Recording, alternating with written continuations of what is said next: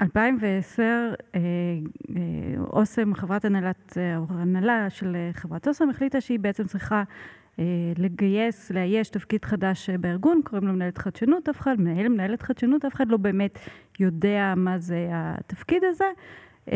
וכחלק מהמהלך בעצם התחילו לדבר עם אנשים ולעשות איזושהי חשיבה בתוך הארגון. וגזי קפלן, המנכ"ל המיתולוגי של, של אוסם, ומי שבעצם הקים את טיבול וניהל את טיבול במהלך, במהלך המון שנים, הוא בעצמו הגיע וראיין אותי, ואני חזרתי אז, חזרתי מחו"ל. חזרתי אחרי שש שנים מחו"ל, וכמעט עשור שלא בכלל לא הייתי מעורה בארץ, ולא כל כך היה ברור לי במה, במה מדובר, במי מדובר, זאת הייתה מבוכה. מאוד מאוד גדולה. אחר כך, אחר כך בעצם כש, כש, כשנכנסתי לחברה, ואנחנו נדבר על זה אחר כך, במהלך השיחה הזאת, היו לי ממשק מאוד מאוד קרוב עם גזי, הייתי מכינה לו חומרים, היה באמת בן אדם משכמו ומעלה בכל הנושא של, של חדשנות. הוא כבר אז היה מאוד חולה וידענו שזה לא לעוד, לא לעוד הרבה זמן. וככה גזי הלך ונפרד, הלך ונפרד מהארגון, ולאור, לאור, לקראת הפרידה ממנו שלחתי לו, ככה שלחתי לו מייל והזמנתי אותו לשיחה, לשיחה איתי על, על חדשנות, כמי שראיתי בו באמת מנטור. והוא ענה לי מכתב מאוד מאוד מרגש. של בשמחה, ו, ו, וממש כבר נקבעה השיחה בחדר שהוכן במשרדים שלו, עושה ממש ממש עבורו, והוא נפטר. עוד לפני. ולא הספקת לספר לו. וואו. כן. את זוכרת מה היה שם? במכתב עצמו? כן. אני זוכרת שהיו בו מילים, מילים חמות מש, משני הצדדים, כי מבחינתי גזי שאל את השאלות הראשונות שאני, ש, שאני שאלתי את עצמי, ו, ו, וכולנו בעצם עסקנו במה זה אומר להיות מנהל חדשנות, מאיזה דיסציפלינה מגיע מנהל, מנהל חדשנות. זאת, כן. זאת השאלה הראשונה למשל, שגזי שאל אותי, הוא לא הציב בפניי, מנהל חדשנות צריך לבוא מדיסציפלינה א', ב', ג'. כן. ואני סיימתי בכלל, סיימתי לימודי עיצוב אופנה. זה ממש ממש ממש לא הקלאסיקה של כן. מנהלי, מנהלי חדשנות. וכתבתי לו שם באמת על העבודה לצידו, כמה הייתה מאירת, מרתקת ופותחת כן. ראש כמעט, כמעט בכל, בכל תחום, ו, ולעיתים אדם לא יודע עד כמה בשאלות קטנות הוא בעצם יכול להתוות דרך, כי זה, זה, מה שקרה, זה מה שקרה לי איתו. והוא נעתר לזמנה שלי בחום, ובאמת היו לנו יחסים במהלך השנה וקצת שיצא לי, שהיה לי המזל לעבוד עם גזי, באמת הייתה לי שנה מאוד מרתקת בעבודה, בעבודה איתו. אני מכינה חומרים, וכל הזמן קורא ומגיב ושואל, ומכינה חומרים לסוף שבוע, והיה חוזר, מחזיר את המצגות עם פתק ושאלות להמשך, ותמיד היה בהם משהו מאוד חכם ומעניין, ומין שיחות כאלה יותר פתוחות על, על מה זה חדשנות וסוגים שונים של חדשנות ואיזה מותגים ו... וכל הדבר הזה, היה בו באמת איזושהי כניסה מאוד מעניינת ומאתגרת ומאפשרת, כן. בתוך ארגון ש... שבעצם גייס תפקיד שהוא לא יודע מהו, כן, ומישהי שלא ידע מי כן. היא באמת, הוא רק ידע שהוא צריך. והייתה שם מערכת מאוד, זה גזי וסמנכ"לית השיווק, כל זה. טוב, אז, אז אילנית קבסה. כהן. כן, גם. זכרתי את כהן. אז בין השאר, היית ועוד איך עוסקת בחדשנות, מנהלת חדשנות, ותספרי לנו עוד מעט על התפקיד הזה ומה באמת, איך הגעת אליו וגם מה עושים בתפקיד כזה, תפקיד סופר חשוב לעולם החדש שלנו. מולטי דיסציפלינרית, עוסקת בהרבה דברים, גם יזמת, נכון? Mm-hmm. יש לומר יזמת ולא יזמית, אם אני לא טועה? אני לא יודע. שואלת את עצמי גם, אבל אני אשמח okay. אוקיי. שמישהו ייקח החלטה בנושא. אני, אני בעד יזמת. אז את תספרי לנו על כל הגלגולים המעניינים שלך אחרי המוזיקה, בסדר? מאה אחוז. מדהים. נתחיל בעוד שנייה. Yeah. One time. Ring the alarm. Hot ass nigga, big ass head so my dreams get bigger. Big campaign songs so my flows get sicker. Confidence bigger than a drunk ass nigga. Look, I'ma work graveyard shifts. מה קורה? הכל טוב, משובח. אז קודם כל, אה, זו פעם ראשונה שאני מקליט מהמקום המדהים של אה, גוגל, גוגל אה, for Startup Campus, זה בית של גוגל לסטארט-אפים, ורציתי להגיד להם תודה, ולספר שהם נותנים הזדמנות לסטארט-אפים לקבל גישה גם למוצרים של גוגל, וגם חיבורים לתעשייה, וגם ידע אה, לתוכניות ולאירועים של סטארט-אפים, ואנחנו פה בקריאייטור סטודיו שלהם, שזה אולפן מאוד מאוד מקצועי, וכיף להקליט פה, כי גם יש איכות סאונד מעולה. היו לי כמה פרקים, אחד איכות סאונד נוראית. אה, הקלטתי, אני מודה ואני מתנ... מתנצל בפני כל מי שהאזין והתעצבן, אה, או סבל ושרד בכל זאת, אה, כי הקלטתי את זה בבית בחלל לא אקוסטי, וכיף שאנחנו כאן שוב. ואפרופו גוגל, ואפרופו קריאייטור uh, סטודיו, ורגע לפני שתספרי על הגלגולים, אני חייב להתחיל רגע ממשהו סופר מעניין. מה זה לעזאזל להיות מנהלת חדשנות? כאילו, יש איזושהי חדשנות ואת צריכה לנהל אותה? Uh, האמת היא שכן, um, אבל יותר נכון מזה, זה בעצם לייצר את התנאים שמאפשר, ש, שמאפשרים לחדשנות לצמוח בתוך, uh, uh, בתוך הארגון. זה תפקיד שעשיתי אותו במשך שבע שנים, אני תכף אסביר, עד, ל, עד לינואר שנה שעברה. הייתי הראשונה בתפקיד הזה באוסם הזה, הרגע דיברנו, וגם אחת מהראשונות בעצם בנסלה, כך שלא היה לי אה, מאיפה ללמוד מה, מה זה אומר להיות זה מנהל אומר, חדשנות. וכאן הייתי בעצם צריכה להמציא בעצמי ולהבין בעצמי מה זה, מה המשמעות של התפקיד הזה ואיך מתמודדים בו בתוך, בתוך ארגון. זה ארגון גדול, זה ארגון אה, שיש בו, באותה עת היו בו משהו כמו אה, עשר יחידות עסקיות, חמישה עשר מותגים, כל אחת מתנהלת בעצם בפני, בפני עצמה. אה, ויש את יחידת, אה, יחידת המטה, ואני הייתי אה, בעת ההיא כפופה לסמנכ"לית, לסמנכ"לית השיווק, ובמאוחר יותר... מה זה אומר לנהל כן. חדשנות? מה זה אומר לנהל חדשנות? לנהל חדשנות, אתה צודק. צודק. לנהל חדשנות זה אומר לייצר את, ה, את התשתית שמאפשרת לחדשנות לצמוח, זאת אומרת, לנהל את הביצועים העסקיים של הארגון שבאים מתחום של חדשנות. הארגון יש לו סל של מוצרים. אני חייב עם דוגמה, יש לך דוגמה? כן, כן, כן, אוקיי. כן. אוקיי, אני מאיץ בך מצטער. כן, תן, כן. אני אתן לך, אני אתן לך. אני אאפשר, זו מילה מדהימה. אני אאפשר לך לענות. יש לנו ביסלי, במבה, טיבול, צבר, אה, באמת, מותגים שהם איקונים, שהם נמכרים כבר פה עשרות עשרות שנים בישראל. אבל מה קורה למשל, ביסלי, מותג של ביסלי במבה שקיימים 50 שנה ו-60 שנה ו-70 שנה, ועדיין אנחנו צריכים לצמוח אה, עוד קצת ועוד קצת ועוד קצת. מאיפה מביאים את הצמיחה הזאת? איזה מוצרים משיקים אה, שיביאו את העוד אחוז ועוד שניים ועוד חמישה אה, בסוף השנה. עכשיו, אתה מסתכל על ארגון מאוד גדול, זה המון מוצרים בבת אחת שצריכים אה, אה, אה, לצמוח. ולנהל חדשנות זה בעצם אומר לנהל את הצמיחה של הארגון. בוא נמחוק את כל מה שאמרנו קודם, כי זאת השורה התחתונה. Mm. לנהל את הצמיחה של הארגון. לנהל את הצמיחה של הארגון, אנחנו הולכים אחורה זאת אומרת, לייצר אסטרטגיית צמיחה, ואיזה סוג של צמיחה, ואיזה חברות ואיזה מותגים, באיזה רמות. אין דין, אה, אה, אין דין אה, במבה, ב, במבה בומבה, במבה במביני, במבה תחפושת לפורים, כן? כל הבמבות שאהובות עליי מאוד. במבה טחינה. אולי, אבל אין דין צמיחה שכזו שהיא קטנה, שהיא חד פעמית של, של לימיטד אדישן, כדין של השקה של מותג חדש, כמו השקה של הפרוטה, של גוני, 50 אחוז פרי, וזה בעצם צורה אחרת של עבודה, זה תהליכים אחרים, זה צמיחה אחרת מבחינת התוצאה העסקית. וכמנהלת חדשנות בארגון, את בעצם אחראית על הצמיחות של כולם, mm. ולייצר את התהליכים שמאפשרים לכולם, ולייצר את המדידה ו, אה, אה, ותרבות ארגונית וכל הדבר הזה בבת אחת. זאת אומרת, יש המון... שלבים והמון אה, המון ממשקים שצריך כן. לנהל. אז תראי, קודם כל דחקתי בך קצת, כי אין משהו שיותר חיכיתי מאשר שבפופקורן מישהו יגיד במבה. וואו. אבל כן, זה קרה.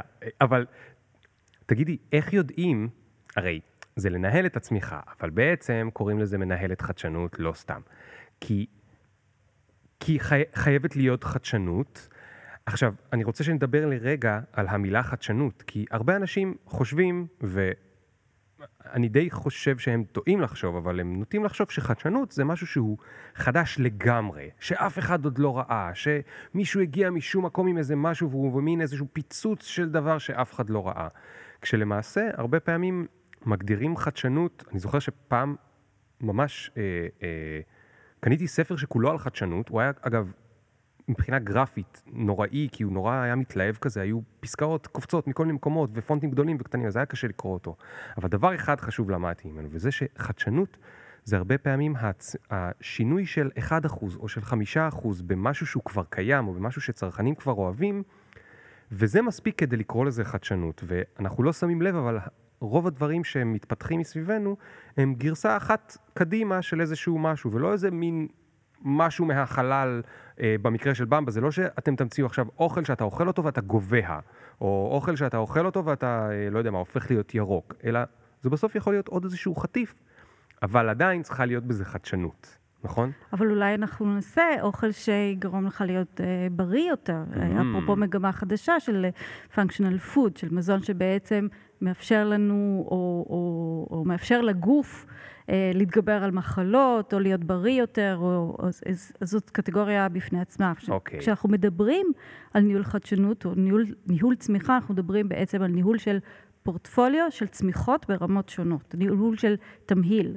וכמנהלת חדשנות, החובה שלי הייתה לייצר איזשהו תמהיל מאוזן, זאת אומרת איזשהו איזון שבין אותם חדשנויות ברמה קטנה, נמוכה, אה, טעמים קטנים, קטשופ אה, חריף, אה, אל צד מותגים חדשים, אל צד קטגוריות חדשות, אה, חדשות לגמרי. אה, וה, והתקציב צריך להתפרס בצור, בצורה שהיא מאפשרת בעצם mm. את הניהול הזה של התמהיל כולו. אז את מחליטה כמה ילך על דברים ממש ממש חדשים וכמה ילך על דברים שהם טיפונת חדשים, זאת אומרת במובן הזה, ו, ומה הייתה האג'נדה שלך? הרי, ושוב, אני ממש מת להגיע לגלגולים, אבל אני רגע כן. עוד מתאפק, כי זה עניין שאני... אני, אני, אני ממש חושב שאנשים לא, לא לגמרי יכולים עוד לדמיין מה זה הדבר הזה.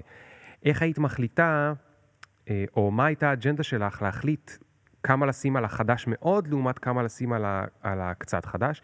יש את הצרכים של החברה, זה ברור, יש כן. יעדים של החברה כן. וכולי, אבל גם לך בטח הייתה איזושהי אג'נדה מהמקום היותר פילוסופי או הוליסטי. נכון, ואני יכולה להסתכל על זה משני, זאת אומרת, הסתכלתי על זה משני כיוונים. אחד, זה מה קורה בעצם בשטח, מה קורה מבחינת שאתה מנתח צמיחות של חברות, איך התמהיל שלהם, מה מקובל, מה מקובל בשטח, ויש מה שנקרא 70-20-10. 70 אחוז מהתקציב מוקצה לאותן צמיחות קטנות של אחוז 1-2, 20 אחוז לאותן צמיחות של יותר 5-6 אחוז, ו-10 אחוז הם בעצם למה שאתה התכוונת מקודם, של אנשים חושבים שהוא חדשנות, שמשהו מאוד מאוד חדש ואחר, כן. וכן, לא היה פה אה, אה, אף פעם. הסיכון הוא בהתאם, בהתאם. זאת אומרת, אזור ה-70 אחוז, פחות סיכון, ככל שעולים, הסיכון גדל. זה מובן מאליו. זה בעניין של ללמוד מה קורה בשוק ולהסיק ממנו, כזכור, לא היה לי מאיפה ללמוד. Mm. החלק השני, במקום של האג'נדה אישית, כן, בוודאי, בוודאי, אג'נדה אישית כל הזמן הייתה ותהיה בכל מקום שבו אני הולכת. אה, חלק, זאת אומרת, אג'נדה שמדברת על יצירתיות בתוך תהליכים עסקיים. אה, אני עם רקע של עיצוב אמרתי מקודם, וכשנכנסתי לתוך, אה, לתוך הארגון הזה, לתוך אוסם נסלר, ראיתי ש... אה, ועוד, ועוד קודם בעצם נוכחתי לדעת עד כמה חסרה חשיבה יצירתית בתוך תהליכים עסקיים. Mm. עד כמה אנשים מקובעים לחשוב ולא יכולים לחשוב על הדבר הבא בצורה יותר פתוחה ואמיצה, ו, אה, והמקום הזה של להכניס יצירתיות בתוך תהליכים היה לי מאוד קריטי. והדבר השני זה בעצם לייצר את המהפכה לכיוון של, אה, או את התנועה, עדיין לא מהפכה, את התנועה לכיוון של מוצרים שהם יותר יותר בריאים, ואני חושבת שבשניהם, אה, שניהם יש תוצאות בשטח. אה, מדהים, מדהים. כן. תגידי, יש לך איזה דוגמה שאת זוכרת מהעשרה אחוז האלה של ה... נקרא לזה היותר, להיות יותר מופרע ומש, ומסוכן גם, שנגיד הצליחה ממש, או כזאת שנכשלה ממש? ש, שכאילו... כן. ו, וזה ביאס אותך? הצלחה ממש, הצלחה מאוד גדולה, זה באמת, אה, אה, זה באמת ההשקה של, השקה של לפרוטה, שהייתה מותג חדש, והשקה של מותג חדש היא מאוד מאוד יקרה. הסיכון הוא בעצם בהשקעה הכספית המאוד מאוד גדולה, שום דבר, כן, לא, לא ייפול לעולם אם לא, כן. אם לא הצלחנו, בוא, אנחנו מדברים בכל זאת בעולם הזה. אבל להשיק מותג ולהיכשל זה מאוד, זה מאוד מאוד כואב. אז לפרוטה זאת הייתה הצלחה מאוד, מאוד טובה. אה, שילובים של פירות כמו בשקים, בננה תמר אה, ופחות סוכר ובאמת אה, מוצרים, מוצרים נפלאים. ומצד שני, שזאת הייתה קטגוריה חדשה, מוצר, מוצר חדש, מותג חדש, כלומר זו עוצמה מאוד, מאוד גדולה, מבחינת, או השקעה מאוד גדולה מבחינת הארגון. כישלונות, כישלונות היו, היו, לא מספיק לטעמי, כן? Hmm. לא מספיק. היו לנו כישלונות בנוסח אה, השקה של אה, תה מוגז. תה אה, מוגז. כן, נסטי מוגז, hmm. שלא הייתה השקה מוצלחת. זאת אומרת, זה כמו מוצלחת. נסטי שהוא סודה, כאילו, כן, אוקיי. נסטי סודה, אה, בדיוק. ו, אה, ומכונות קפה שמקרטעות אה, בנוסח אה, דולצ'ה גוסטו, קוראים לזה מותג בשם דולצ'ה גוסטו, מכונות קפה אה, זה, שזה היה ניסיון של נסלה לייצר tier 2 אל מול נספרסו, שזה tier 1, mm. לייצר tier 2 של אה, מכונות. tier 2, כלומר, יותר זול ונגיש? נכון, אוקיי. יותר לא זול, נגיש. לא הדברים הגדולים כן, והמצליחים? קפסולות שנמכרות, אה, קפסולות שנמכרות בסופרמרקט, למשל, ב retail mm. chain.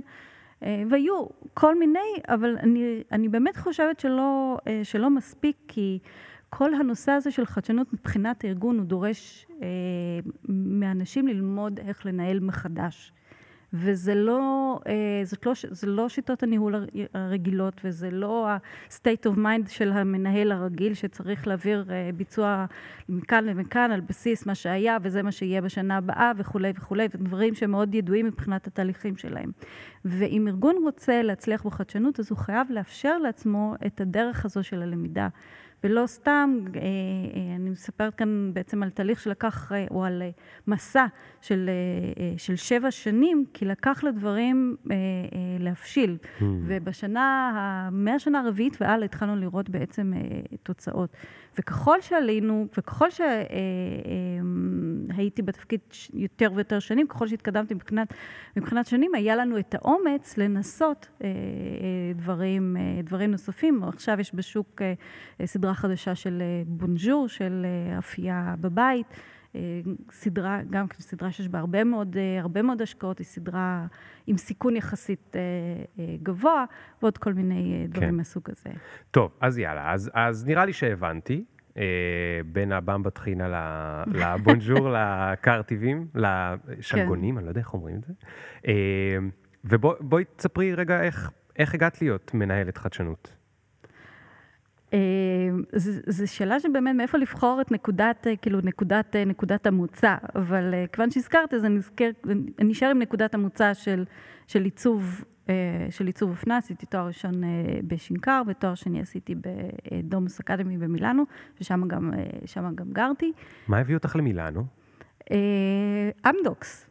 לא אותי. אמדוקס הביאה את בעלי אה, אה, למילאנו, ואנחנו בעצם החלטנו כמובן, אה, אמדוקס החליטה לעשות בעצם חדירה לשוק האירופאי, והיא בחרה בטעות גדולה את איטליה כשוק היעד, כחדירה לאירופה. כן, מוזר מאוד. מי שמכיר, כן. זה ממש לא מתאים. לא כל כך הייטק.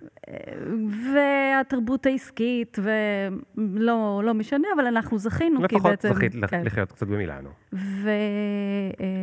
וזאת הסיבה שבעצם הגענו למילאנו. במילאנו, אה, אחד המרצים שלי, אה, בדומוס אקדמי, אה, היה בעצם המנכ"ל של חברה בנושא של טרנדים.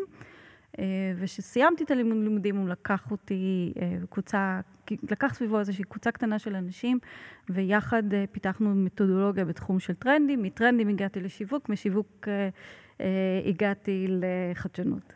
והלאה. אוקיי, אוקיי, אוקיי. כאילו זה לא סיפור אז, בקו ישר. כן, אז רגע, את עבדת איתו איפשהו, או שהוא רק, זאת אומרת, אותו מרצה? כן, אה, כן. איפה, איפה זה היה העבודה איתו? Future Concept Lab, אה, מרכז אה, מחקר אה, טרנדים מאוד, מאוד, ידוע, מאוד ידוע באירופה. עבדתי עם Future Concept משהו כמו חמש-שש שנים, אולי קצת יותר. והשנה הראשונה ב Future Concept Lab הייתה בעצם להסתכל על נושא של מתודולוגיות בעולם של טרנדים, וכיוון שפרנצ'סקו מורצ'ה, מי שהקים את החברה הזאת, הוא סוציולוג, התחלנו לפתח את המתודולוגיה בכיוון של Socio-Cultural Trends, כדי להבחין בין מתודולוגיה של הסתכלות באנשים, התבוננות והבנה של, והבנה של התנהגות שלהם, לבין למשל ניתוח, או ניתוח טרנדים באנליז פיננסי, שזה התבוננות יותר במספרים, או, או טכניקות שונות של, של אנליזה. זאת אומרת, אנחנו מסתכלים, ניתוח של טרנדים קיים בכל מיני, בכל כן. מיני תחומים, בכל מיני מתודולוגיות. Future Concept Lab בעצם הביאה את הנושא של Socio-Cultural Trends בתוך העולם תוכן הזה. והיינו קבוצה של עשרה בוגרים, בוגרי דומוס, דומוס אקדמי, שהוזמנו בעצם לדבר על העולם הזה של, של טרנדים, כל אחד בעולם, מהמקור שבו הוא הגיע, הגיע, וכיוון שכולנו היינו סטודנטים זרים, במילאנו היה לנו את המבט הכפול הזה של ארץ המוצא ו, hmm, ואיטליה. ויכולנו לדבר בעצם על ההשוואה הזאת של ההתנהגות של אנשים ותרבות של קפה ותרבות של אוכל כן. וכל הדברים שאנחנו, וגם תחומים של טכנולוגיה וכולי וכולי. אז, אז יש לי באמת שאלה על האיטלקים, זאת אומרת על, על זווית ספציפית האיטלקים רק דוגמה. באופנה נגיד, אני, אני יכול להבין איך הם אה, אה, חוקרים טרנדים. או בתחומים מאוד מאוד, אה, אני לא יודע איך קוראים לזה, luxury ותחומים של... לייפסטייל? אה, לייפסטייל, זו okay. אוקיי. המילה, תודה. אמ, בתחומים אחרים, יצא לי ללמד כמה פעמים באיטליה, ב-H-Farm, mm-hmm. את בטח מכירה, mm-hmm. לא חשוב עכשיו זה, זה המקום לדעתי כמעט היחיד שיש בו באמת חדשנות, בטח מה שקשור לטכנולוגיה באיטליה, וזה מאוד בולט, באים ללמוד שם איטלקים מכל איטליה, וזה מאוד בולט אה, אצלם באמת השמרנות. אה, וזו שמרנות, גם בגרמניה נגיד יש שמרנות, אבל זו שמרנות אחרת, נכון, היא איטלקית, אבל לא נכון. לא משנה רגע אם זה גרמניה או איטליה, יש עדיין שמרנות. הם לא מה שהיינו קוראים בארץ early adapters. נכון. הם לא האלו שקופצים על חדשנות, הם לא האלה שרוצים לנסות דברים חדשים מיד, אלה שיאמצו את האפליקציות והזה, הם מאוד מאוד, יש להם היסטוריה מדהימה נכון. וכיפית, הם מצליחים לשמר אותה עדיין. הם פשוט נהנים מלייפסטייל שהוא יפה. אסתטיקה זה ערך עליון, גם איפה שאין כסף, הם משקיעים קודם באסתטיקה ואחר כך בדברים אחרים. איך הם מתלבשים או מתנגדים לכל הקונספט הזה של מחקר טרנדים. זאת אומרת, את מבינה מה אני שואל? אני, אני האם, מבינה, האם אבל אתה, יותר, אתה יוצא מתוך נקודת, אה, נקודת מוצא, ש Future Concept Lab עובדת בעיקר נניח עם אה, חברות איטלקיות. Future Concept Lab עבדה עם אה, חברות בכל העולם. כן. נקרא לזה, הגן האיטלקי בחברה נמצא באמת במקום של איזושהי פילוסופיה מאוד, אה, מאוד עמוקה. אה, של תפיסת, אה, של, תפיסת, של תפיסת עולם, של המקום של האסתטיקה בתוך, בתוך הטרנדים. אבל זה, כל מה שאתה אומר זה נכון, זאת חברה מאוד מאוד שמרנית, ולכן גם לקוחות היו מאוד מגוונים ומעט מאוד, מעט מאוד איטלקים, ואלה שהיו איטלקים זה היו לקוחות היותר יותר, כן, חדשני. יותר בעלי תעוזה אה, לבץ הקפה אה, וכולי.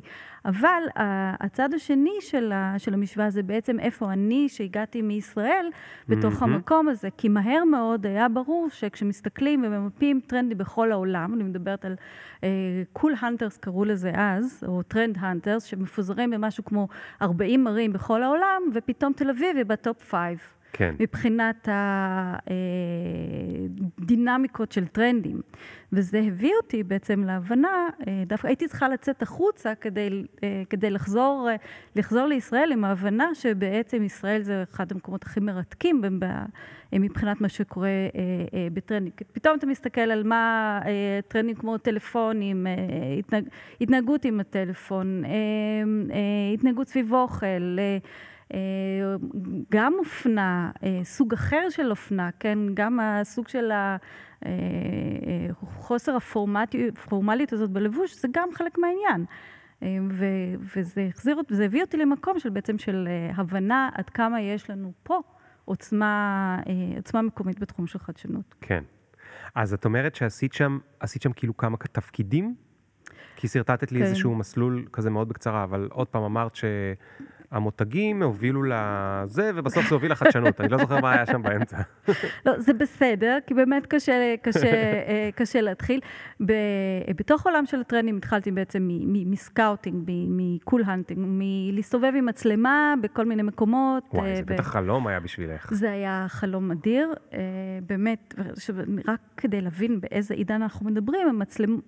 עוד לא היו מצלמות דיגיטליות, אחרי שנה או שנתיים שעשיתי את זה, נכנסו מצלמות דיגיטליות, זה לא היה בטלפון. טלפונים, זו מצלמה של שני, של תמונה בגודל שני מגה, הייתה כן. שקלה שני קילו. כן. ועם המצלמה הזאת הסתובבתי בכל מיני מועדונים ופאבים ו- וצילמתי ברחוב, ו- ו- וניסיתי בעצם לקרוא התנהגות של אנשים דרך uh, ניתוח uh, אתנוגרפי או ניתוח חזותי. Uh, ואחרי זה עשיתי uh, uh, בעצם עבודות שהן יותר סביב תמה ספציפית, מה, איך תרבות הקפה נראית בעולם. בואו mm. נשווה בין אה, תל אביב, מילאנו, אה, אה, סן פרנסיסקו וכולי. ושם זה כבר היה הרבה יותר מול המחשב. ושם זה כבר היה יותר desktop analysis, יותר עבודה שהיא באמת מול, מול מחשב וניסוח של תמה, ואחר כך זה כבר עבר באמת למקום של איך עובדים עם הטרנד במקום יישומי. טרנד בסופו של דבר הוא בעצם כלי, כלי להכוונה. Mm. להכוונה שיכולה לבוא או ממקום של השראה, או ממקום באמת של הכוונה עסקית, זה, זה הכיוון שלשם העולם הולך, לשם החברה הזאת צריכה ללכת, בואו נפתח את סל המוצרים, אסטרטגיות בהתאם. תגידי, איך יודעים שטרנד תופס? אמ, מאוד קשה. אפשר, לא צריך להתיימר לדעת תמיד. זאת אומרת, צריך להבין, צריך uh, לצאת מתוך, מתוך נקודה של צניעות של העולם בסוף לא בידיים שלנו, אבל הסימנים נמצאים כאן. אה, אה, באיטלקית דיברנו לא על forecasting, אלא על anticipating. בעצם mm. על לצפות לטרנד, מתוך הבנה שבעצם אתה רואה את, ה, את ההתחלות, את הזיהוי של הטרנד אה, כבר, אה, אה, כבר כאן. אה, אה, וצריך, אה, וצריך בעצם להשתמש ב, ב, בידע של הטרנד או, בכלי הזה לטובת פיתוח, לטובת פיתוח תוכנית עבודה, לטובת פיתוח יישומים, בצורה שהיא, שגם אם הטרנד לא יתבסס, אז, אז צריך להיות שם איזושהי אמת שהיא נכונה. כן. סתם, סתם לדוגמה, חזרתי לארץ, פתחתי חברת, חברת טרנדים, ואחד הלקוחות, אחד הלקוחות הראשונים שלי היו אה, סלקום. אה, סלקום באותה, באותה תקופה ניסו להבין את העולם של, של, של תרבות, של תרבות של צעירים.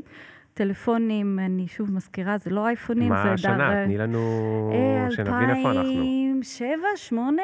אוקיי, עוד אין, כאילו האייפון רק הומצא. ממש, כן, האייפון ממש בתחילת הדרך, כזה.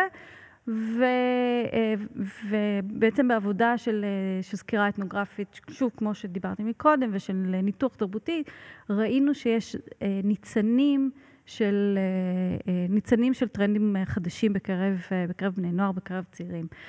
לדוגמה, הנושא של, של תמונות, של עיבוד של תמונות של, של mm. צורך בכלי, בכלי בסלולר לעיבוד של תמונות. אני ממש זוכרת שיחה, ממש שיחה, צעקות עם הסמנכ"ל שיווק של סלקום דאז, שבאתי עם, ה, עם התוצאות ואמרתי, אוקיי, טוב, צריך סוג של פוטושופ פשוט לסלולר. כן. אולי אפשר דרך הוונדורים להשיג איזה משהו כזה, וקיבלתי צעקות בנוסח, הבן שלי, בן ה-12 או בן ה-15, לא משנה, מתפעל נהדר פוטושופ, לא צריך שום דבר כזה. כן, כולנו יודעים מה קרה. כן.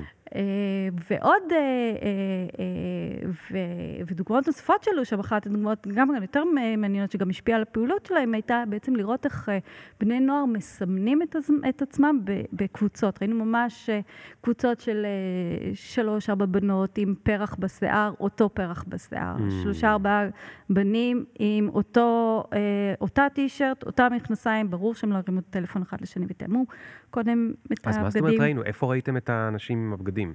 בכל מיני, בכל מיני פסטיבלים, בכל מיני אה, מקומות Hmm. כאלה. יצא, יצאתי וצילמתי, ואז אתה חוזר ומנתח ופורס את המון המון, אה, את כל המידע הזה, ו, ורואה ממש תופעות שהן תופעות חברתיות תרבותיות, ואז למשל במקום הזה אפשר להציע, להציע, סלקום כחברה אה, יכולה להציע פעילויות משותפות לקבוצות, חבר מביא חבר, אבל זה לא רק חבר, חברה מביא, מביאה חברה, אלא תביא גם עוד איזה שתיים, את העוד כן. שלוש, ו... ותצטלמי איתה עם פרח גם, ואז... בדיוק. אוקיי, אז רגע, אז המחקר היה ברובו איכותני, זאת אומרת, אה, הסתכלותי ו- ו- וניתוח, ולא מספרי או דאטה? הדאטה בעצם נוספה, אה, נוספה אחר כך, הוא, הוא נעשתה, נעשתה במקביל, יותר נכון גם בהמשך, אה, בהמשך הקריירה. אה, כשעברתי מ, מ, מטרנדים לעבודה אה, בחברה שלי אה, מול, אה, מול לקוחות, אז כבר בעצם כבר הוספנו את הצד הזה של, של, ניתוח, של ניתוח כמותי, ואז התמונה באמת יוצאת הרבה יותר, הרבה יותר עשירה. כן. תגידי, הלקוחות כיבדו את ה...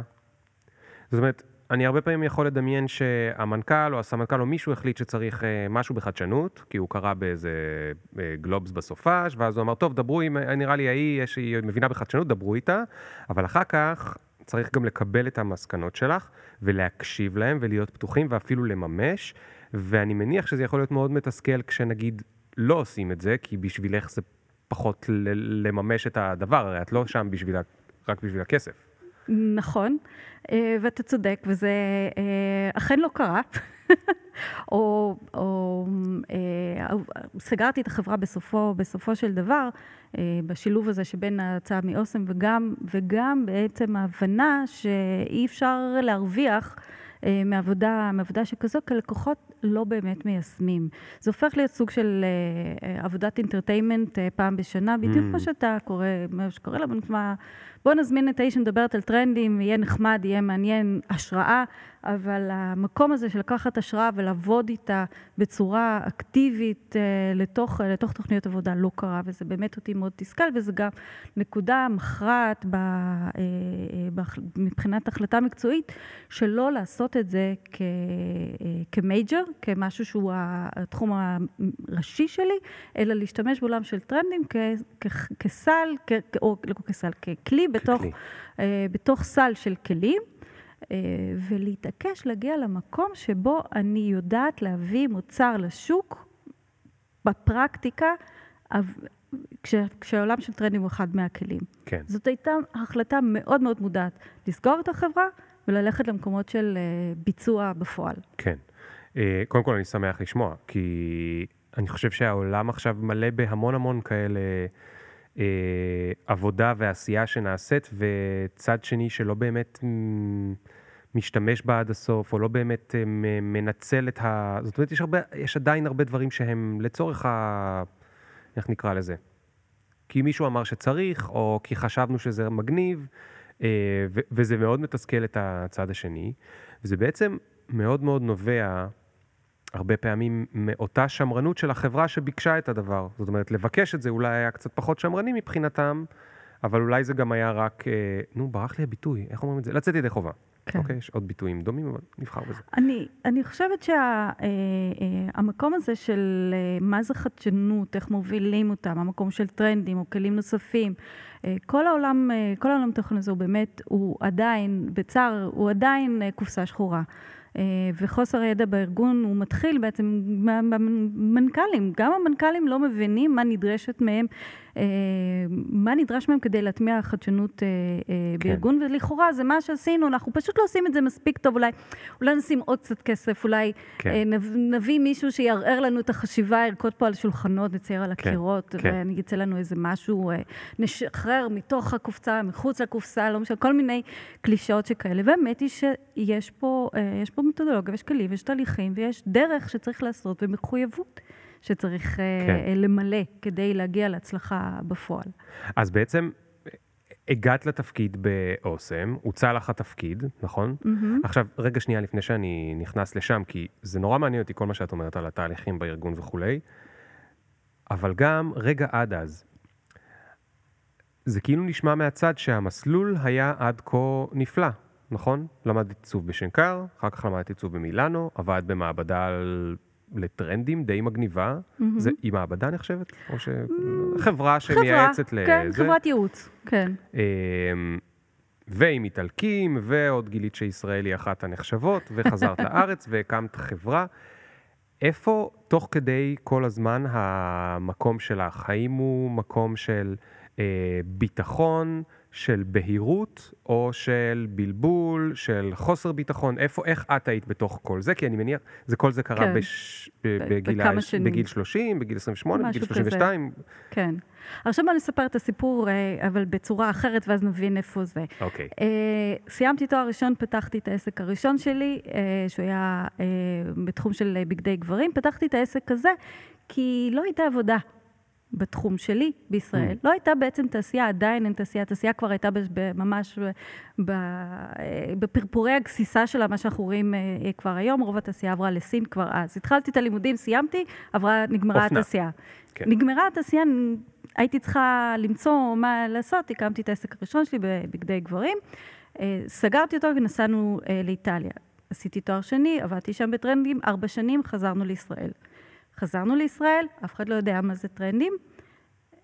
אין מושג מה זה הדבר הזה, איפה, חזרתי שוב לנייטיב לנד, אה, ומה אה, אני אעשה.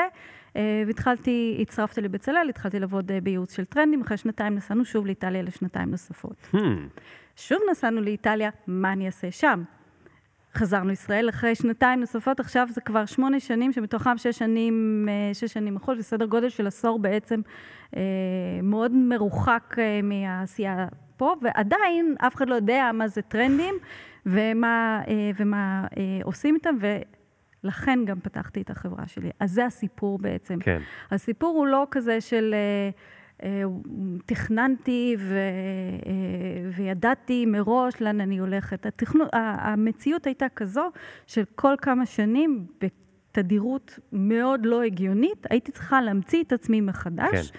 ולהתאים את עצמי למקום החדש של שני מקומות מאוד מאוד שונים, אה, ולמצוא את האג'נדה שלי ואת המקום שנכון לי ושמעניין אותי, ושגם מעניין לשוק, כי אחרת כן. איפה... אה, אבל לפעמים לא יתחשק לך להגיד כאילו, אוקיי, אני אקח סתם עבודה כלשהי, או אני אלך לחפש פשוט משהו לעשות בלי כל המאמץ הזה? בהחלט כן, אבל זה... אה, אה, אתה מכיר היום את העולם של, אה, של HR למיניהם. כש-HR מקבל, אה, לפחות אז, אה, כשמגייסת מקבלת את הרזומה שלי, כל מה שהיא יכלה להציע לי לפי תפיסתה, היה מאוד מאוד מצומצם ואחר ממה שאני יכול, ממה שאני האמנתי שאני יכולה, אה, יכולה לעשות. זאת כן. אומרת, את- אה, אין תפקידים כאלה שכתוב מולטי-דיסציפלינרית, יצירתית, יכולה לחשוב שיווק ושיווק, צורך, אה, טכנולוגיה בבת אחת. נכון. אין, לא היו, אז אנחנו מדברים 20 שנה אחורה בערך, לא, לא היו תפקידים כאלה. כן. וגם היום גם הם היום עד היום מאוד לא... קשה גם להגדיר היום אותם. הם מאוד, הם מאוד... נכון, ולכן ידעתי, אה, ניסיתי, אבל אחרי כמה התנסויות הבנתי שזה פשוט, זה פשוט הדרך שלי. אה, למזלי, אני באה ממשפחה ש, אה, של עצמאים שלושה דורות. Hmm, וואו. וכן, גם מה, הסבתא תני שלי... בקצרה, מה הסבתא שלך עשתה? סבתא שלי הייתה כובענית. כובענית. כן. היא ייצרה את הכובעים? היא ייצרה את- הייתה לה ומכרה את חנות- הכובעים? נכון. וואו. ושיווקה את הכובעים. אה, כן, אם קראו לזה, אני מניחה שקראו לזה אז אחרת, אבל אה, כן. אולי, מה היה? פוסטר ב- בחוץ של החנות נראה לי? שזה היה יותר קומיוניטי סיילס איפה- איפה היא הייתה כובענית? בטורקיה. בטורקיה, וואו, כן. וואו, וואו, וואו, וואו. זה מדהים. חבל שהיא לא הייתה מכינת בורקסים, אבל... היא גם, גם, אה, אוקיי. כן. זה היה כתחביב. היה לה דיי ג'וב, כן. ושזה מאוד נדיר לנשים, אה, אה, לנשים בוודאי בעידן ההוא. היא הייתה עצמאית, זו הייתה חנות שלה. אה, זאת אומרת, בלי הבן זוג. בלי הבן הזוג. וואו. כן. אז מה סבא עשה? סבא אה, הסתובב אה, בטורקיה ומכר בדים.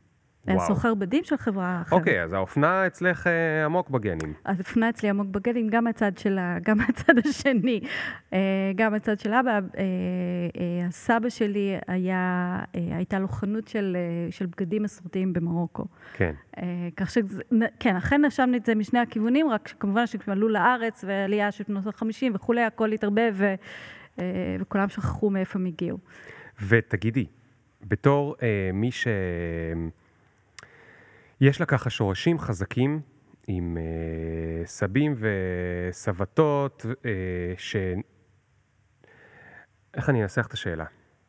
אוקיי. את מכירה דורות של אה, אנשים שבעצם כל חייהם עסקו, אני מניח, בעיקר בדבר אחד, למשל בכובעים, או בייצור כובעים ו- ומכירתם, או במכירת בדים, וכנראה שזה היה גם בדים מסוג מסוים, והייתה איזושהי התמחות. נכון. ועכשיו את בדור שהוא בעצם, מה שנקרא, את- כלומר, זה טרנדי, נכון? הדברים מתחלפים במהירות מטורפת. הייצור של הדברים הוא כבר מזמן לא אצלנו, הוא בעיקר בחו"ל. הגלובליזציה, כל הדברים האלה הם, הם פתאום כל כך שונים, אבל הם גם מאוד מרוחקים. את, יש לך לפעמים מחשבות על היום לעומת פעם, במובן הזה של ה, מה, מה היחס שלי בחיים שלי לאופנה, לעומת מה היה של סבתא? אמ, זה מפריע לך, אני אשאל את זה אחרת, כן. זה, זה, זה מפריע לך שדברים זזים כל כך מהר? לא, לא, לא, אני ממש... את לא זה- רומנטית במובן הזה. לא, ממש ממש לא. אני, אה, זה אוויר לנשימה מבחינתי. אני, אה, אה, הקריירה שלי נעה כל שש-שבע שנים אה, אה, במקום, אה, במקום חדש, אה, במקום אחר, ו, אה, וזה מה שאני חיה, נושמת, אוהבת. ואני לא, לא, לקח לי זמן להבין שזאת הדרך ושזה מה שאני. זאת כן. אומרת, הרבה יותר קל, הדור, הדור שלי עדיין, עדיין עבד, הוא עדיין, אה, אה, הוא עדיין עובד אה, בתפקידים יחסית מסודרים, נניח, בארגונים לאורך, לאורך זמן. הצורת התנהלות המזגזגת הזו שלי, היא כבר קיימת בדור שלי, אבל לא, ב, לא, בצורה כל כך, לא בצורה כל כך נפוצה. וצריך להבין שאנשים שהם מולטי דיסציפלינריים ומזגזגים, ההבשלה שלהם לוקחת זמן. וזה Hmm. משהו מאוד קשה חשוב לדבר כשאתה על זה. ב- בתחילת הדרך, אה, נניח בתחילת הדרך באזור, אה, אה, באזור ה- ככה 20, 20, 20 פלוס שנה אחורה, אז כשאת עושה עוד פרויקט ועוד פרויקט, והם בתחומים, והם בתחומים שונים, ואת רואה את החברים נמצאים במקום אחר, זאת אומרת, הנושא של הצלחה כאן, הוא לא מגיע מיד. כן. הוא מגיע אחרי הרבה שנים, הוא מגיע בזכות היכולת הזאת לאסוף תחומים שונים ולחבר אותם ולייצר איזשהו, איזשהו מבט אה, חדש ואיזשהו מבט אה, אה, אחר. אה, והרווח מגיע בעצם מהגיוון. והריח הזה של הגיוון הדיסציפלינרי פשוט מגיע אחרי הרבה זמן. אוקיי, זה, אני אמרת את זה כאילו על הדרך ותשובה לשאלה אחרת, אבל אני מה זה שמח שהגעת לזה. אז רגע, זאת אומרת, בוא נתעכב על זה שנייה, בגלל שאני יודע שיש הרבה מאזינים שהם מולטי דיסציפלינריים, יש הרבה מאזינים שרוצים לעשות הרבה דברים. אה, אנחנו בג'ולט לפעמים קראנו לזה מהפכת הקולבויניקים, כדי להגיד שקולבויניק זה משהו שהוא לאו דווקא רע, דווקא יש לו יתרון מאוד גדול בעולם של ימינו, כמובן למי שזה מתאים. יש את כן. מי שרוצה להיות מומחה ולעבוד ולהתמחות במה שהוא אוהב. את בעצם אומרת, ההצלחה לא הגיעה משום שניסיתי, ניסיתי, ניסיתי, נכשלתי, נכשלתי, נכשלתי, ניסיתי, ניסיתי, נכשלתי, נכשלתי, נכשלתי, בסוף הצלחתי, משהו הצליח. אלא ההצלחה הגיעה מהרבדים שהצטרפו אחד לשני ובסוף יצרו את מה שלפעמים אני קראתי לו אולי בספר, הסולם שלך. זאת אומרת, הוא, שהוא מאוד מאוד ספציפי אלייך. שמצד אחד, אנחנו יושבים פה לפני הפודקאסט ואני אומר לך איך להציג אותך, ואת אומרת, אני לא יודעת, כאילו, אלף דברים. אלף דברים או אחד או שלושה או זה, בוא ננסה, ובסוף ויתרתי. ומצד שני, את, אילנית קבסה, כהן, יש אחת. זאת אומרת, שיש לה את הזוויות הספציפיות והידע הספציפי והתחומים שכאילו, יש מקומות ששם את תתאימי ממש כמו כפפה ל, ליד. אמ, אני, רגע, אני רוצה להגיד את זה. אה, אה, נתחיל בזה שזה, אה, אני מאמינה בלייצר לעצמך את המקומות האלה. ולא, אה, מקומות אלה לא מגיעים נופלים. אה, וחלק חשוב מעבודה של, אה, מעבודה מולטי-דיסציפלינרית זה בעצם להתעקש לייצר את, את ה-point of view שלך ולהתעקש לייצר את הידע הזה שלך. כשאני התחלתי עם, אה, אה, עם העולם של טרנדים, לא, לא, לא ניקח את זה יותר מדי אחורה, שתי דוגמאות, עולם של טרנדים ועולם של חדשנות. כשאני התחלתי עם העולם עולם של הטרנד, ספגתי את מה ש-Future Concept Lab עשו, אבל במקביל הלכתי וניתחתי ובדקתי וכל כל מתודולוגיית ניתוח טרנדים אחרת. אה, כולל אה, בעולמות אה, פוליטיים, והסרט הזה של הבייסבול, מניבול, כן. כולל מי שכתב את הספר הזה וכולי וכולי, ניתחתי כל, כל מתודולוגיה אפשרית כדי למצוא את המקום שהוא המתודולוגיה המעניינת ונכונה עבורי למקומות שאני רוצה לקחת אותם, הנס, שזה יהיה מעשי יישומי. כן. ו, אה, אה, ו, וככה גם יכולתי להעביר את הידע הזה הלאה. זאת אומרת, אחד הקורסים הראשונים שלימדתי בבצלאל היה באמת אה, קורס של ניתוח מגמות, ואז יכולתי לעשות את זה בזכות זה שעברתי okay. את אוקיי. הדרך הזאת. זאת אומרת, הייתה הרבה גם כוונתיות. את לא ידעת כנראה שתלמדי קורס של בצלאל, אבל את ידעת שהידע הנוסף הזה יעזור לך אחר כך אה, נכון. לעשות משהו. וגם אותו דבר, אה, אה, אותו דבר, אגב, אותו ידע של trending בסופו של דבר, בנסלה, היום, היום נסלה, בנסלה בעולם מלמדים את הנושא של trending, משקפים שכולם שלי. נחמד. אותו דבר בחדשנות, גם תוך כדי עבודה על חדשנות, משום שלא היה לי מי ללמוד, משום שהייתי ראשונה אה, בתפקיד הזה. למדתי, קראתי, התנסיתי, בדקתי, ואז גם כתבתי את המשנה הזאת, כן. של מה זאת חדשנות בעיניי, והוכחתי שהיא עובדת. ו... זאת אומרת, כל ה... אני מסתכלת על העבודה שלי אה, כעבודה של יצירה בעצם. זאת היצירה שלי בתוך כן. התפקידים האלה.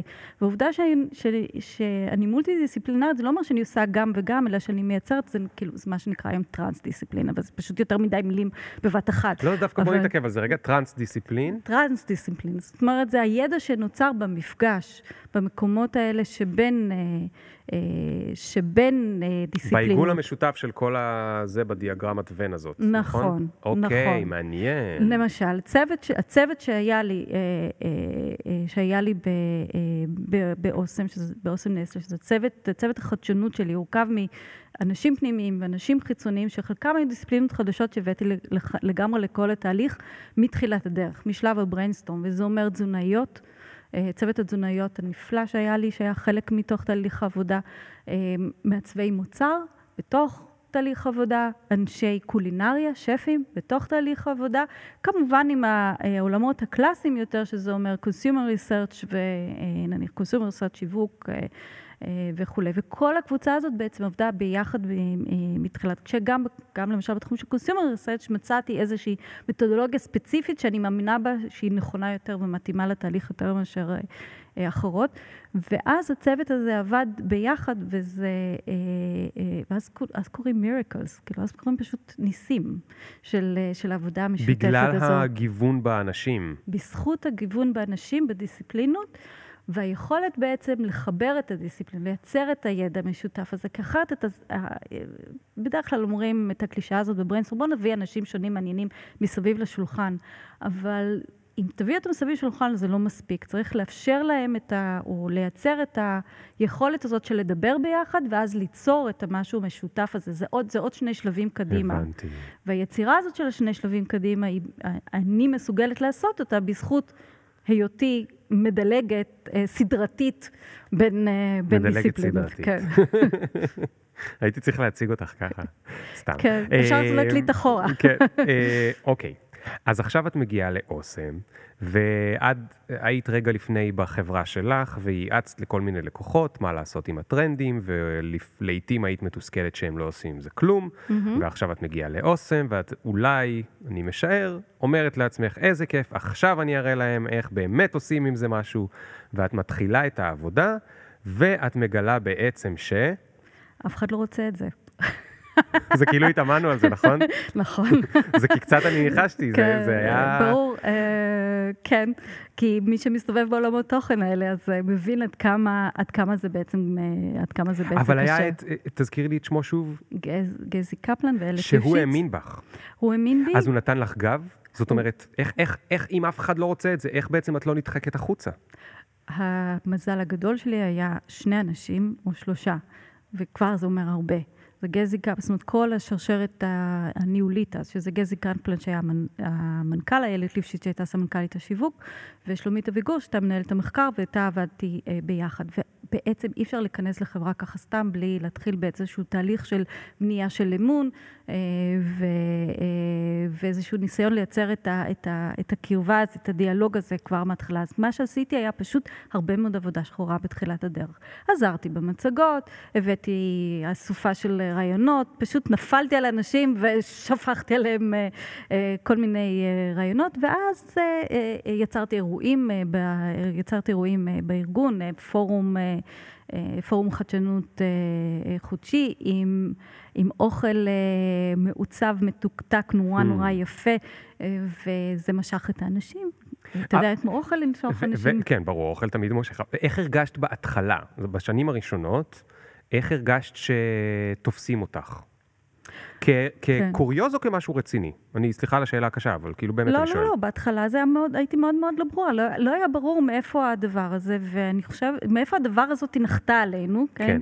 אנשים הכירו אותי מעולם של טרנדים, אז לפחות בחלק הזה של עולם של טרנדים, היה להם ברור שאני יכולה להעביר להם ערך, אז... אז טרנדים היה אה, אה, כרטיס הכניסה, ואחרי זה שניסיתי להיכנס לתוך ה-P&Lים שלהם, אה, זה הייתה מאוד אה, מין, מין, תחוש, מין, מין מבט כזה של... אנחנו נורא רוצים להגיד לה לא, כי מה פתאום, אבל היא נחמדה, אז, אז, אז אולי כן, אז אולי קצת. ועד שככה, עד, שה, עד שהאמון הזה, אה, עד שהאמון הזה נבנה, ועד שהתהליך הראשון והבריינסטורם הראשון, וזה לקח זמן, זה לקח כן. זמן לבנות, אין, אין ספק. השגת אבל כוחות תוך כדי, כדי להמשיך. זאת אומרת, בתור אה, מישהי שאין לה בעיה לדלג, היה אפשר לחשוד בך שנגיד אחרי שנתיים תגידי, טוב, די, אם הם לא ממש ממש ממש נותנים לי מה שאני רוצה, ואני יודעת שאני יכולה לעזור להם פה מאוד, אבל הם לא לגמרי נותנים לי, אני אדלג אה, למקום אחר. לא עלה בדעתי אפילו. אוקיי, אז, אז ספרי לי למה. זאת אומרת, מה כן היה שם ש... כן. ש...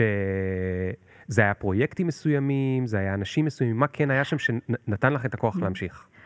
אמ, זה היה אמון מאוד גדול מה, מהמנהלים שלי. אה, זה, זה הדבר שהכי, אה, שהכי עזר לי, בעצם יצרנו איזושהי חזית, חזית אחידה. אה, המנהלת שלי ואני היינו צוות מאוד קרוב, ממש בהרגשה הזו של צוות, ועד היום היא, היא, היא חברה. אה, ועבדנו ביחד אה, מאוד, אה, מאוד קרוב, וכשהיא מנסה לשכנע מלמעלה ואני מנסה לשכנע מלמטה, וכדי להשיג את אותו פיילוט בתוך, בתוך הארגון, את אותו proof of concept. כן. ברגע שה-proof of concept הראשון עבר והיו תוצאות, תוצאות בשטח, כבר אפשר היה להתחיל לזוז עם זה, לזוז עם זה הלאה, ולהוסיף בעצם עוד לייר של עבודה. מעבודה על ביסלי, אז עבודה גם על במבה, מעבודה על במבה לעבודה על טיבול, ואז להרחיב מחטיבה לחטיבה, ואז להרחיב גם ברמה המתודולוגית. זאת אומרת, הניצחונות הקטנים כל פעם נתנו לכבוש עוד שטח? נכון. אוקיי. נכון, עד להגיע למקומות של, ואז להשתמש בכלים של מדידה, כדי לעזור uh, לארגון להבין עד כמה...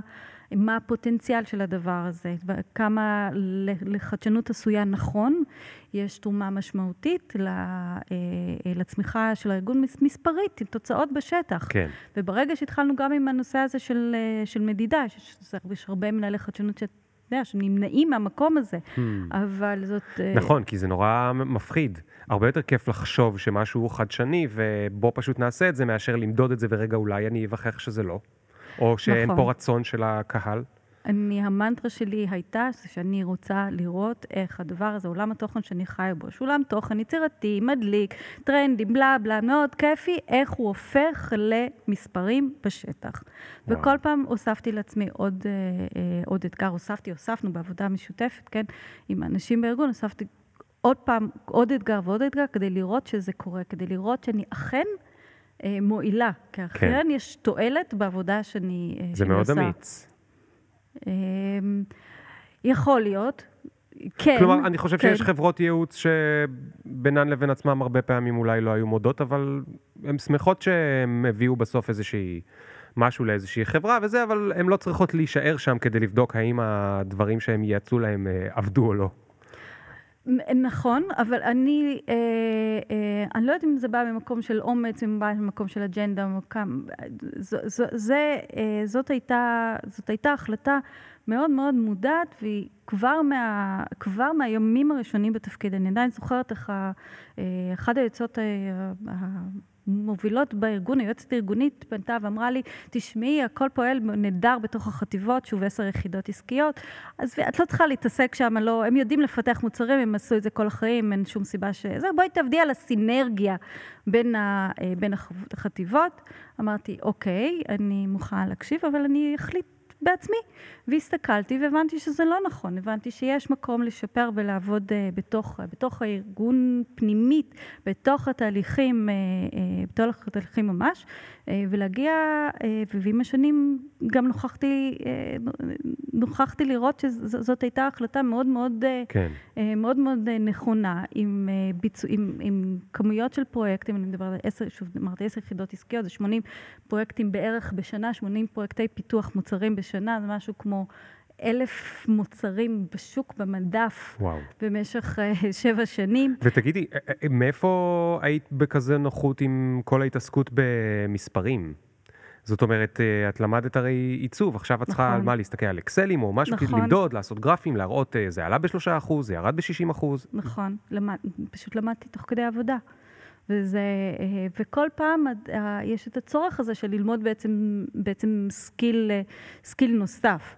אה, אז גם שיווק לא באמת ידעתי. כן. ו, אה, ו, ולמדתי תוך כדי, אה, למדתי תוך כדי עבודה. וגם את, ה, את הניתוח של הביצועים של החדשנות, ולפתוח אקסל בפעם הראשונה פתחתי ב... פתחתי באוסם, עם הרבה מאוד עזרה של וואלה. חברים מסביב. אקסל או גוגל שיט? אקסל. אקסל. בכל זאת, עד ארגון. כאן, עד כאן, לא... הבנתי, אין לזה אנטיווירוס. זה בדיוק, IT, יש להם כן. אג'נדה משלהם. נכון. אז... נכון. וככה בעצם, בסופו של דבר, הצלחנו להוכיח שביצועי חדשנות אה, של, אה, של אוסם היו, היו אה, מובילים בשוק וגם המובילים בנסלה, מבחינת... מדהים, זה, מדהים. כן. תגידי, מה, תספרי לי על עוד כמה דברים שיצא לך לעשות, כי יש עוד כמה דברים שלא הספקנו עוד שתזכירי. יש את המקום שאני, את העולם תוכן שאני נמצאת בו היום, שאנחנו נדבר עליו עוד מעט, יש את השנים בבצלאל שהיו שנים מרתקות עם... לא, אני רוצה כן. שתקפצי אז למה שעכשיו. למקום, אה, למקום שבו אני נמצאת, אה, למקום שאני נמצאת היום. אז אה, אפרופו פיננסים, אז היום אני באמת בדרכי, בתוך העולם, בשנה האחרונה, בתוך העולם תוכן הזה של, של השקעות. זה השקעות, אבל בפוד-טק, food technologies, שזה המשך של עבודה שהייתה, זאת אומרת שברמה מסוימת זה המשך של מה שהיה באוסם נסלה. שוב מין, אה, שוב חלק משותף וחלק אה, לא. החלק המשותף הוא בעצם, בשלוש שנים האחרונות הצטרפתי בעצם, בנסלה הצטרפתי לצוות החדשנות הגלובלי של נסלה, ושם התחלתי להפגיש, אה, בתפקיד שלי שם בעצם התחלתי להפגיש שוב תפקיד שאני יזמתי, שאני הקמתי אותו, שאוסם שילמה לנסטלה על השירותים שלי בתוך הארגון. ובעצם התחלתי להפגיש אה, סטארט-אפים ישראלים עם, אה, עם נסטלה העולמית, והתחלנו להביא משלחות ולהפגיש טכנולוגיות בכל מיני תחומים, שיווק, marketing technologies, e-commerce, פודטק, כל מיני, כל מיני טכנולוגיות. אבל מאיפה הכרת את העולם הזה של הסטארט-אפים? מכיר את מייקרוסופט, את האקסלרטור של מייקרוסופט? כן. כן. אז האקסלרטור של מייקרוסופט, אה, כשהוא נפתח, הוא ב batch השני, אה, צחי וייספלד, שאז אה, הקים בעצם, ניהל את האקסלרטור, שהכרתי אותו בעבודת ייעוץ שעשיתי למודוורד בזמן הטרנדים, אז פעם, הזמין אותי להצטרף כמנטורית. עכשיו לא הבנתי מה זה מנטורית ומה זה סטארט-אפ, אבל הלכתי לראות את ה... את הדבר הזה, וכשחזרתי מה... מה... מהלונץ' של הבאץ' השני, פשוט חזרתי בהתרגשות. לונץ' של באץ' שני, בוא נסביר רגע כן. מה זה אומר בעברית. כן. זה באץ' זה כל פעם נכנסים כמה סטארט-אפים לכמה חודשים, מקבלים ליווי לכמה חודשים, ב... אה, בתקווה שהם יצליחו לפתח קצת יותר את הרעיון שלהם. בסוף הרעיון, בסוף הכמה חודשים, הולכים וכאילו מראים את זה, יש כזה דמו דיי, נכון? מראים כן, את זה כן, למשקיעים פוטנציאליים. כן. אוקיי, ועכשיו תחזרי ל- להגיד את מה ואז, שאמרת. ואז חזרתי, אה, אה, חזרתי לאוסם ואמ- ואמרתי, אה, ואמרתי לילד המנהלת שלי, כזה אני רוצה. כזה. אוקיי, כזה זאת אומרת כזה. אקסלרטור. אקסלרטור כזה. בעולמות תוכן שלנו, ואז התחלנו לבדוק אם יש, אם יש סטארט-אפים, ומה זה אומר סטארט-אפ, וכל, וכל הדבר הזה, ואז הבנתי שזה בעצם המשך מאוד טבעי לעובדה של חדשנות בתוך הארגון, ועם הפילוסופיה של, אה, מה- יש כן. internal innovation ויש open innovation, ו, וה, וכיוון שאני מנהלת את המנעד, את התמהיל של הפורטפוליו של החדשנות, אז יש גם מקום אה, לדבר הזה. כן, שזה אה, בואי נגיד, זה בתוך, זה ה-70, 20, עכשיו יש 9 ו-1. בערך, כן. משהו כזה מאוד מאוד אה, קטן, והתחלנו בעצם מסע שהוא הוא, הוא מסע כפול, הוא גם מסע בתוך אוסם נסלה להפגיש סטארט-אפים, כדי שאפשר יהיה לעשות פיילוטים בישראל, ולהפגיש את, המנהלים השונים עם העולם תוכן הזה, אה, ו, והמסע השני הוא בעצם בתוך נסלה העולמית, לה, להסביר שיש דבר כזה, Hmm. לא שצריך להסביר שיש סטארט-אפים, אלא שישראל היא רלוונטית ומובילה בעולמות תוכן האלה. הבנתי. זאת אומרת, זה מסע אה, דומה אך שונה, עם מסרים שונים, אותו עולם תוכן עם מסרים, אה, עם מסרים שונים. אה, בסופו של דבר זה לקח אה, שלוש שנים והגיעו לפה delegation, הגיעו לפה משלחות אה, רבות, בכירים. עשינו 18 פיילוטים בשוק, אה, בשוק הישראלי. וואו. כן. מה למשל, יש לך מתחת- איזו דוגמה שאת יכולה לספר? קוליקס, אה, חברה אה, שעושה, חברה חמודה מאוד, אה, אני לא יודעת מה מצבה כרגע, אבל כן, קוליקס אה, עושה interactive catalogs, וידאו.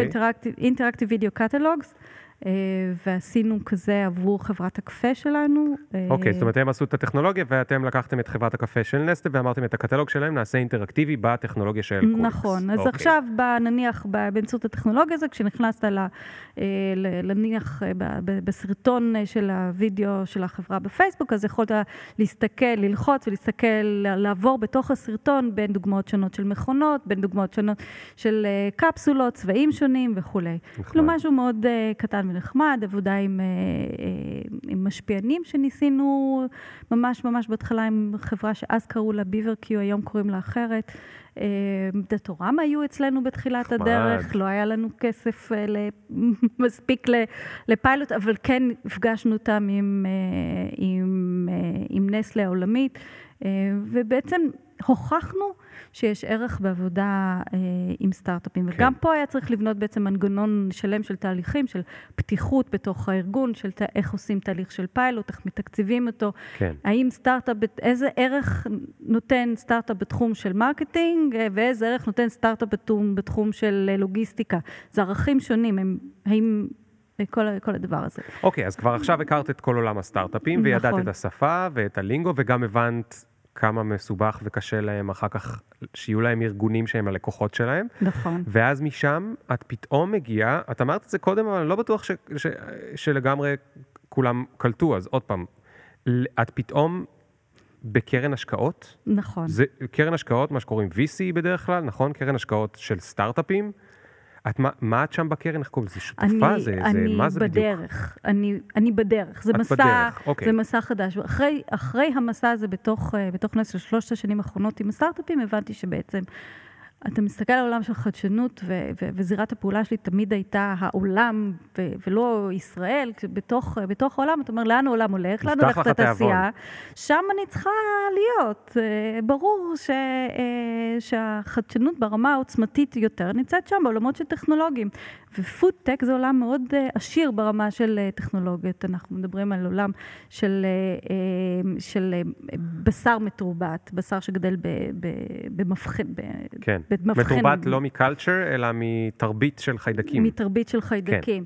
כן. בשר, ש, בשר שעשוי מצמחי, מצמחים, מה שנקרא plant-based food. כן. אה, עולמות של סוכר מסוג חדש, עולמות של מיקרוביום, של חיידקי המעי. ואתה מסתכל על התעשייה ומבין שהיא פשוט עוברת אה, disruption, אה, שיבוש עצום, כן. והטכנולוגיות, הם, יש להן את היכולות להביא אותן לדבר חדש, ולכן אני צריכה ללכת לשם. מה שהקל עליי על ההחלטה הייתה העובדה שבעצם, שנסלה השלימה את רכישת המניות שלה ל-100%, את רכישת בעצם אוסם. את אוסם, ופה בעצם נגמר עידן, התחיל עידן חדש, וזו הייתה הזדמנות מבחינתי להגדיר, אוקיי, זה גם, צומת. זה צומת וגם אני צריכה ללכת הלאה. ו, ופגשתי שותפה, ואנחנו במסע חדש של בעצם לגייס קרן, אנחנו בתהליך של גיוס Mm. של קרן להש, להשקעות בתחום של טכנולוגיות מזון.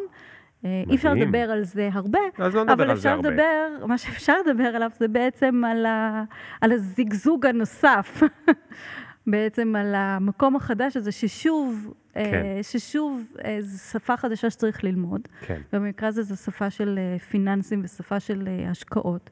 אה, ופגישות עם משקיעים, עולם תוכן, אה, תוכן זה, וזה skill חדש הוא בעצם, אה, כן.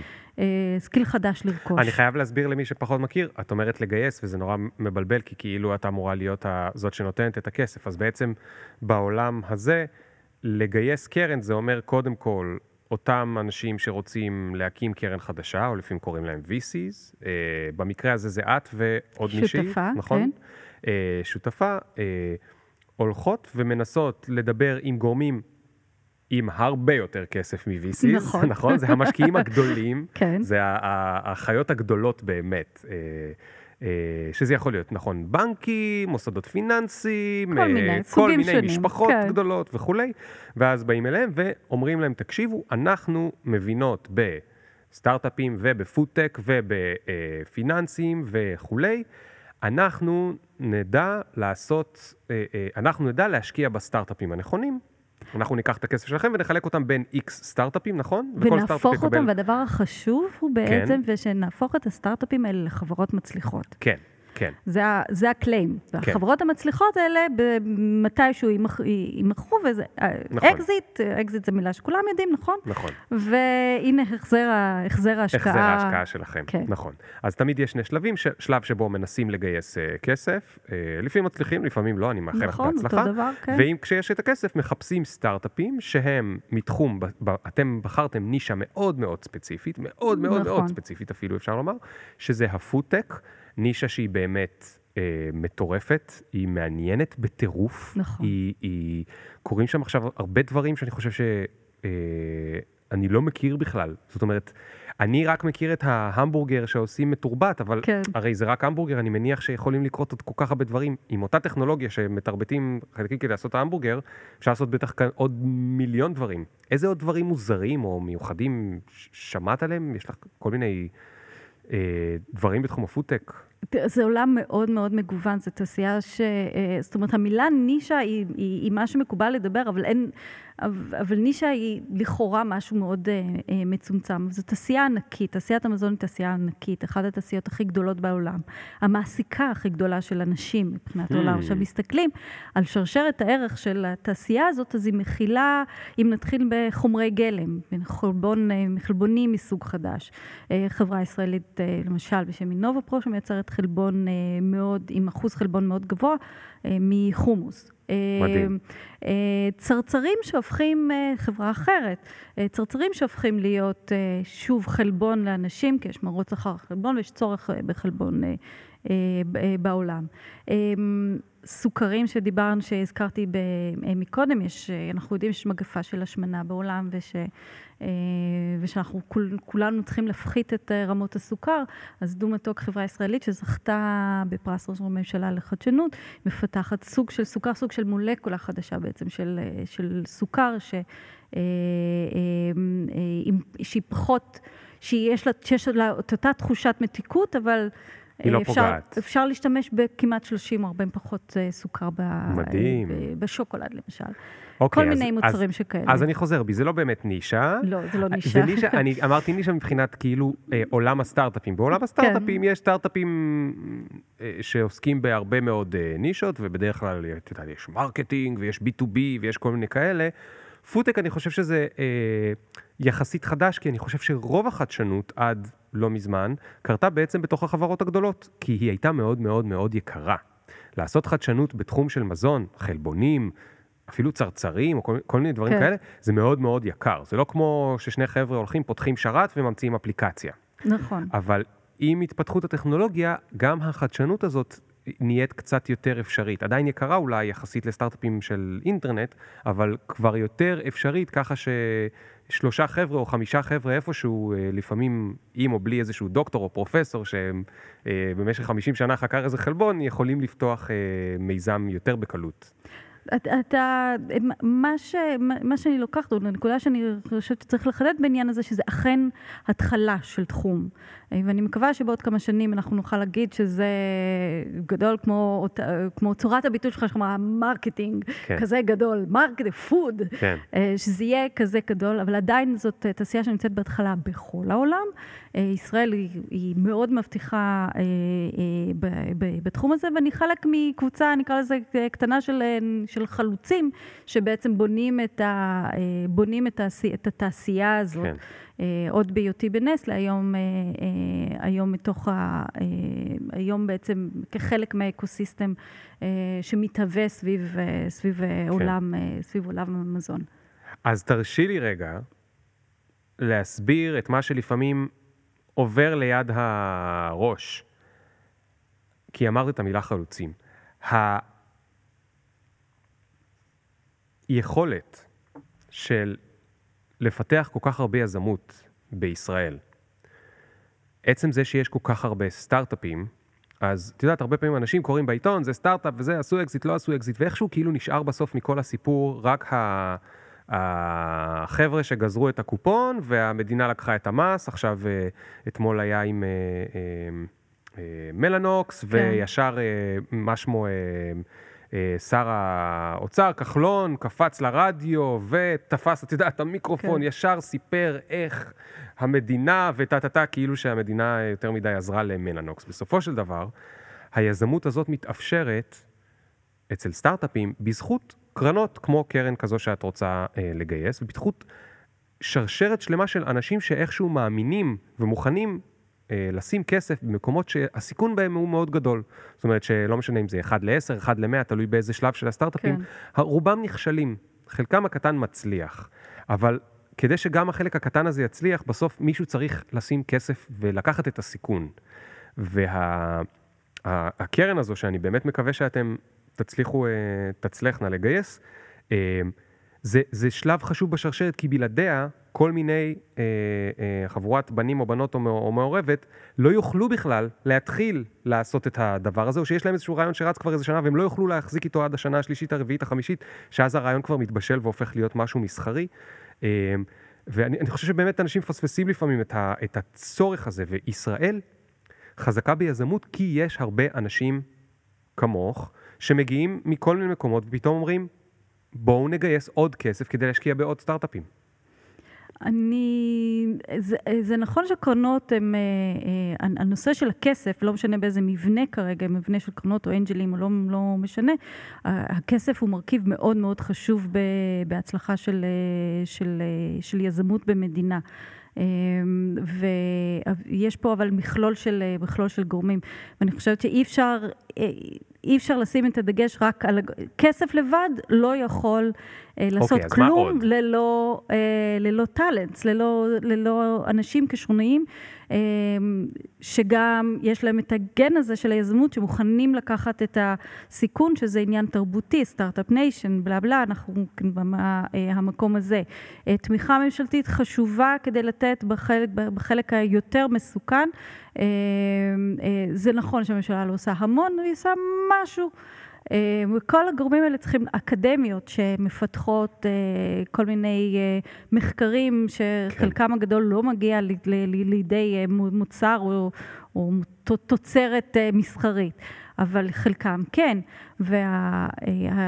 אה, הגדולה בעצם, או היכולת אה, של, של ישראל, היא לייצר ecosystems ברבים בצורה, של, של, של, של, בצורה סיסטמטית בעצם, של פעם אחר פעם אחר פעם, אה, ה ecosystems ההיסטוריים היו היו בתחומים של הארדקור אלקטרוניקה, ואחרי זה אינטרנט, ובשנים האחרונות סייבר, ואוטומוטיב וכולי, וזאת זאת, זאת יכולת שאחר כך משתרשת בעצם ב, ב, ב, במדינה. כן. והאקוסיסטם הנוכחי או הבאים הם באמת בתחומים, אה, בתחום של, של פודטק. אבל כל אחד מהגורמים זאת, זאת תשלובת. ובלי TCC, Talent Capital Culture, בלי שלושת הגורמים האלה אי אפשר לייצר חדשנות מסוג הזה שאנחנו מדברים עליו. מדהים. טוב, זה זמן מצוין לסיים, כי אנחנו חייבים לסיים. לצערי, יש לי עוד הרבה דברים שלא הספקתי אה, להוציא ממך, ורציתי על איך בכל זאת גורמים לארגון לעשות חדשנות, למרות שהוא לא רוצה, או הוא לא בנוי לזה בדרך כלל, לא מתוך רוע, פשוט כי ארגונים, אה, בייחוד שהם גדולים, לא בנויים לזה בדרך כלל. יש תשובות, אני רק רוצה אה, אה להגיד לך שיש okay. אוקיי. יש דרך. יש תשובות, אני רק רוצה דרך... להגיד לך, תזמין אותי לפרק השני, ואני אסביר לך את כל מה שנשאר. אוקיי, אז. כן. אני, אני אעשה את זה. אה, ניתן, ניתן לך עוד קצת זמן להתבשל עם, אה, עם הדבר החדש, ובפעם הבאה אנחנו נדבר גם על זה. אה, זה מאוד מעניין אותי, כי אני חושב שזה אחד האתגרים הכי גדולים של העולם היום. החדשנות לא תגיע רק מסטארט-אפים, היא תגיע מתוך ארגונים גדולים שיש להם אה, שרשראות מסודרות ויש להם תהליכים מסודרים, ולא רק סטארט-אפיסטים, אה, יזמים חמודים עם כל האהבה שלי ל, לחבר'ה שלי. כן. תגיע, החדשנות תגיע ממקומות גם מסודרים, ולהבין איך נותנים לחברות האלה לעשות חדשנות ולא להילחם בה, ואז בעצם להרוג את עצמם, כמו איזה מין אה, אוטו-אנומי, אה, זה משהו מאוד מאוד מאוד חשוב. אז תראי, אני רוצה להגיד לך תודה, ואני חייב לשאול אותך את השאלה המשותפת, mm-hmm. אוקיי? אז אה, את טסה במטוס, ולצערי הקברניט מודיע, זה ממש שאלה קשה בגלל מה שקרה לפני כמה ימים באתיופיה. אמ, אז נשאל, נספר את זה סיפור אחר, את אה, אה, קופצת ממטוס, אה, לא יודע למה. להנאתך. להנאתך, לתוך, גם שאלה נוראית, מה אני אעשה? טוב, תגידי, מה את מתבאסת שלא, מה את מתבאסת שלא הספקת? אני באמת, באמת, באמת לא מתבאסת שלא, של, באמת, באמת, שאלתי, שאלתי את עצמי את השאלה, שאלה דומה, נקרא לזה, אני, אשאל אותה בוורסיה אחרת קצת, בסדר? שאלתי את עצמי, אם לא היית עושה את מה שאת עושה היום, זו שאלה שאני אוהבת לשאול ב brainstorms למיניהם, במיוחד באנשים שמכירים אחד את השני. אם לא היית עושה את מה שאת עושה היום, מה היית עושה אחרת? כן. אה, כי זו דרך לראות אם יש איזשהו פער בין, ה, בין החלום לבין, אה, לבין המציאות. כן. אה, ואז מצאתי את עצמי עונה שאם לא הייתי עושה את זה, אז יכול להיות שהייתי שפית, אבל אני נמצאת כבר בתעשיית המזון. אמ, הייתי כוריאוגרפית, או אולי מפיקה מוזיקלית, או משהו כזה, במידה רבה, זה אותם, אה, זה אותם quality, זה אותם אה, יכולות של משהו שהוא עובד מלמעלה, ו, אה, ומנהל ומסנכרן קבוצה של אנשים שפועלת ביחד כן. לטובת... אז, אז אני מרגישה ש, שלמרות שהדרך הזאת שלא הייתה מאוד מכוונת, הזיגזוג הבלתי אפשרי הזה, אה, בסופו של דבר נמצאת במקום מאוד, אה, מאוד נכון לי אה, ומאוד מהנה. עם כל זה שכל פעם, לדוגמה, השנה הזאת, כן, זה כל פעם זה להיות סטודנטית לעוד קצת זמן. כן. תודה רבה רבה, אילנית קבס הכהן. זכרתי את הכהן. ליאור פרנקל. אה, וזהו, עד הפעם הבאה. תודה לכם, כרגיל, שאתם מקשיבים. אני מקווה שהסאונד הפעם היה עוד יותר טוב, ואם לא, אז נלמד איך להבין, לעשות אותו עוד יותר טוב לפעם הבאה. אה, תיסעו בזהירות בדרכים ותקשיבו לפודקאסטים עד הסוף, כי זו מצווה. ביי, אני אוהב אתכם.